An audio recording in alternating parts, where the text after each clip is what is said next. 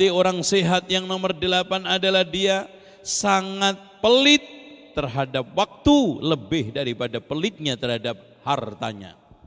Oh nggak mau pak diajak main-main ngobrol ngalor ngidul. Bahkan ulama ketika diajak ngobrol nggak jelas hentikan matahari dulu.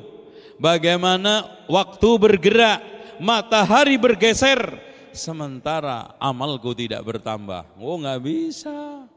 Loh sekarang orang kita itu masya Allah umurnya udah pendek dibuang-buang mancing. Itu. Wong Imam Syafi'i aja yang udah hafal Quran nggak pernah mancing. Sampai ora isin nanti ketemu Imam Syafi'i. Ya, nanti kalau ketemu Imam Syafi'i cobi jenengan ngomong Imam Syafi'i jenengan pun hafal Quran mboten? Wah, 30 ngelontok mas. Itu jawabannya Imam Syafi'i. Lah hadis, wah ribuan. Lah sampean piro? Ora belas itu. 30 juz enggak? Oh enggak Imam Syafi'i juz 30 ya ora. Lo kok sempat mancing? Eh, ora izin sampean. Makanya saya katakan mancing itu hobinya orang konslet. Gimana enggak gak konslet?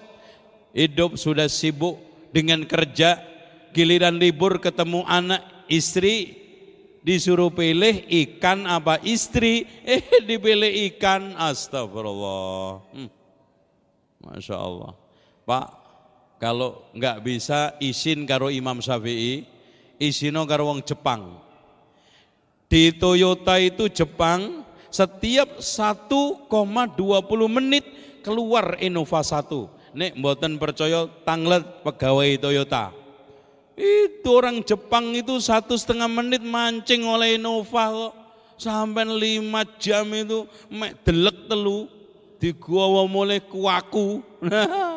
Dimasak ora kena.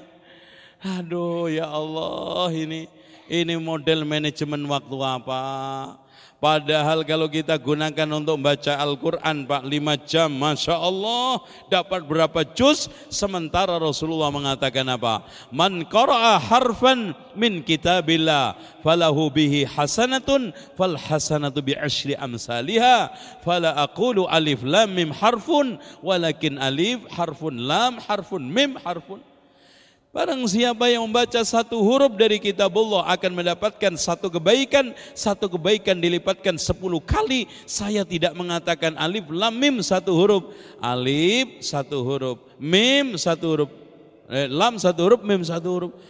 Tinggal mancing ya piye toh? Hmm, nyadar ora? Hati tanda-tanda hati orang itu enggak sehat berarti seneng Sing kenceng Gwen krungu ya itu sing sebelah sono. Itu pokoknya dari salian tanda hati orang sehat pelit banget karena gini loh Pak. Nek harta hilang isok dibalik nomene. Kalau sekarang waktu hilang, ayo bisa dibalikin Pak. Saya tanya, cari tanggal 1 Juli seribu eh, eh, seri, eh, tanggal 1 Juli 2016. Ayo. Saya ketemu lagi. Depannya itu 17, Pak. Depanan lagi 18.